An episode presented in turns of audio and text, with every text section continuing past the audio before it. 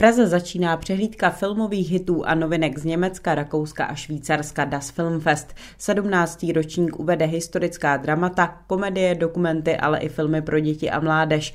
Podrobností jsem probrala s organizátorkami festivalu, s Klárou Arpa z GT Institutu a Evou Lokl ze švýcarského velvyslanectví v Praze. Na Kláru mířila hned úvodní otázka a to, jakým snímkem letošní ročník Das Filmfestu zahájíte. 17. ročník festivalu Das Filmfest zahájí 19. října snímek Sisi a já, režisérky Frauke Finsterwalda, jde vlastně o takovou novou reinterpretaci příběhu císařovny Sisi. Dovíme se tam zase úplně jiné věci. Je to opravdu tentokrát fikce, takže se diváci nemusí, nebo nemusí se pozastavovat nad tím, že třeba nesedí úplně všechno dle historických událostí.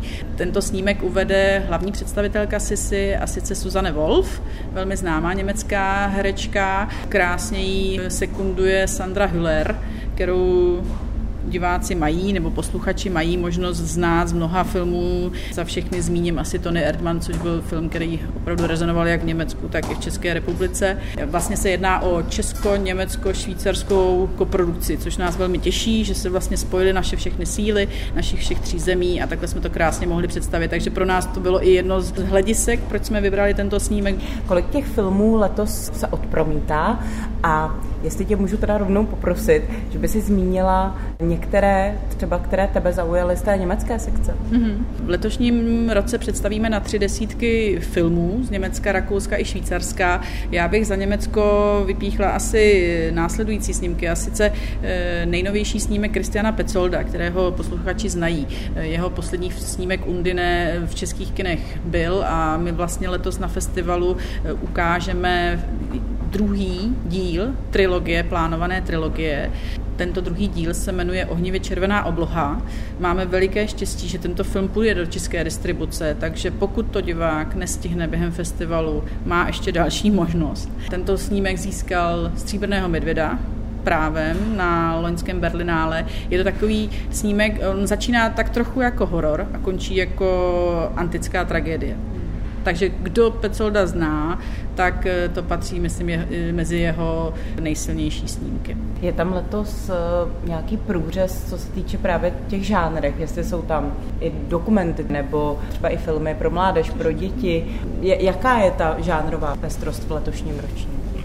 Tak eh, pestrost je tak jako každý rok veliká. My se opravdu snažíme zobrazit tu německojazyčnou kinematografii v jejich plné šíři. Tradičně ji dělíme do několika sekcí, tak jako každý rok máme sekce Das Filmfest Special, eh, sekci věnovanou dokumentárním filmu. Tento rok jsme si připravili sekci, která se jmenuje Zlatá léta. Tam jsou filmy, které tématizují odvahu postavit se sám za sebe, vzít osud do vlastních rukou a nebo vymanit se ze společenských konvencí. Další sekce se se jmenuje Alpy má láska, neboť jsme i v minulých letech zjistili, že Alpy je něco, co v německojazyčné kinematografii opravdu velmi rezonuje. Opakovaně se k tomu tématu filmaři v těchto zemích vrací a je to taky takový společný, společné znamení pro naše tři země. Připravili jsme si filmy, ale i pro nejmladší diváky a pro jejich rodiče. Máme několik odpoledních představení ty jsou všechny pak pod sekcí Bio Junior. Samozřejmě máme také projekce pro školy, kde je průřez filmů, které nabízíme během festivalu. A jenom se pochlubím, tato nabídka pro školy je opravdu velmi oblíbená. Máme v současné době přihlášeno přes 3300 žáků a žákyní na tyto projekce. Do programu se dostaly čtyři švýcarské filmy. Mluvili jste ještě o koprodukcích. Mohla byste zmínit, jaké to jsou a třeba říct aspoň pár slov k jednomu z těch, které jsou nejvýraznější? Tak eh, určitě nejvýraznějším snímkem je film Úkryt eh, švýcarského režiséra Leona Schwittera, který pojednává o otci a jeho malém synovi, kteří spolu nežijí a ten otec se rozhodne, že během prázdnin, které tráví v odlehlých švýcarských Alpách, se opět zblíží a vlastně v tom filmu pomalu roste napětí, i když je velmi minimalistický, tak má opravdu mrazivou atmosféru a postupně všem i divákům dochází, že ten otec se nehodlá vrátit zpátky do civilizace a vlastně tím v podstatě uvězní i toho svého syna. K tomuto filmu přijede režisér Leon Schwitter, jak už jsem zmiňovala, společně s hlavním představitelem, který si zahrál právě toho otce, Petrem Hottingerem, takže oba dva budete mít možnost potkat v Praze a promluvit si s nimi po projekci. Eh, další zajímavý film je dokument, který se jmenuje Ruach, cesta po Evropě za kočovnými jeniši, kde se dokumentaristé vydávají na cestu po Německu, eh, Švýcarsku a Francii a sledují eh, jeniše, což je taková marginalizovaná kočovná skupina, která byla historicky, ale dokonce i ve 20. století ze strany těchto států persekuována a oni sledují, jak se jim vede dnes a odhalují ty křivdy, které se jim staly, ale také tu jejich lásku ke svobodě. Možná, Kláro, na tebe bych se obrátila, aby jsme neopomněli tu rakouskou mm-hmm. sekci. Kolik těch filmů z Rakouska se k nám dostalo, jestli jsou mm-hmm. třeba nějaké i v koprodukci mm-hmm. a pro příklad aspoň jeden ten snímek mm. zmínit. Rakousko eh, bude zastoupeno necelou desítkou filmů, jsou mezi tím i koprodukce. Určitě mezi ty nejsilnější taháky bude třeba snímek Liška, mm, který se odehrává za druhé světové války a hlavní představitel se během té války začne starat o liščí mládě a toho vlastně jako kdyby zachrání v této tíživé situaci. Jo, dokáže se vlastně vyrovnat se svou minulostí, se svou rodinou, s kterou se dlouho neviděl a vlastně znova začne něco cítit díky tomuto liščímu mláděti. Určitě bych vypíchla i dokument Vienna Calling, což je hudební vlastně muzikál, který nás zavede do Vídně, do různých klubů, na ulice, kde, kde vystupují různí umělci.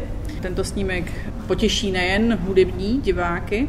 Asi nejvtipnější snímek z rakouské produkce je snímek Mermaids Don't Cry, který vlastně mapuje takový trošičku trend mermaidingu. Tam jde o to, že vlastně hlavní představitelka si horko těžko snaží získat peníze na svoji novou ploutev protože ona vlastně miluje eh, tento trend a, a prostě sní o nové ploutvy a v tom eh, ve snímku se vlastně ství i hlavní představitelka, kterou známe z mnoha komedií, takže eh, myslím si, že si diváci tady u toho filmu hodně nasmějí. Já bych ještě doplnila, k tomuto filmu přijede i režisérka Franciska Flaum, takže s ní budete mít možnost setkat a pobavit se s ní o tomto fenoménu. Ještě na závěr mě zajímá, jestli v té organizaci letošního ročníku je něco jinak, co se týče třeba kin, jestli jsou diváci zvyklí stále na ta stejná kina, tak jestli byste mohli říct vlastně, ve kterých kinech se bude festival Das Film Fest konat. Jestli třeba rezervovat eh, vstupenky dříve nebo stačí mm-hmm. až eh, při příchodu do kina. Festival se koná na známých místech, v Praze jsou to kina Lucerna a Atlas, v Brně je to kino Art a v Olomouci sál Mozarteum, Muzea umění Olomouc. Um, my jsme si pro diváky připravili letos i permanentky. Chceme být vstříc cenově a nabízíme za 333 korun vlastně možnost navštívit tři různé projekce. Běžné vstupné je 140, takže si myslím, že ta scéna je velmi přátelská a určitě ji doporučujeme. Doporučujeme samozřejmě stupenky kupovat co nejdříve. Dovedeme si představit, že v kině Atlas, eh, kde je menší kapacita, může být v den projekce třeba i už pozdě. Dodává Klára Arpa z GT institutu. Das Film Fest v letošním roce nabízí tři desítky německy mluvených filmů. Zuzana Filipková, Radio Klasik Praha.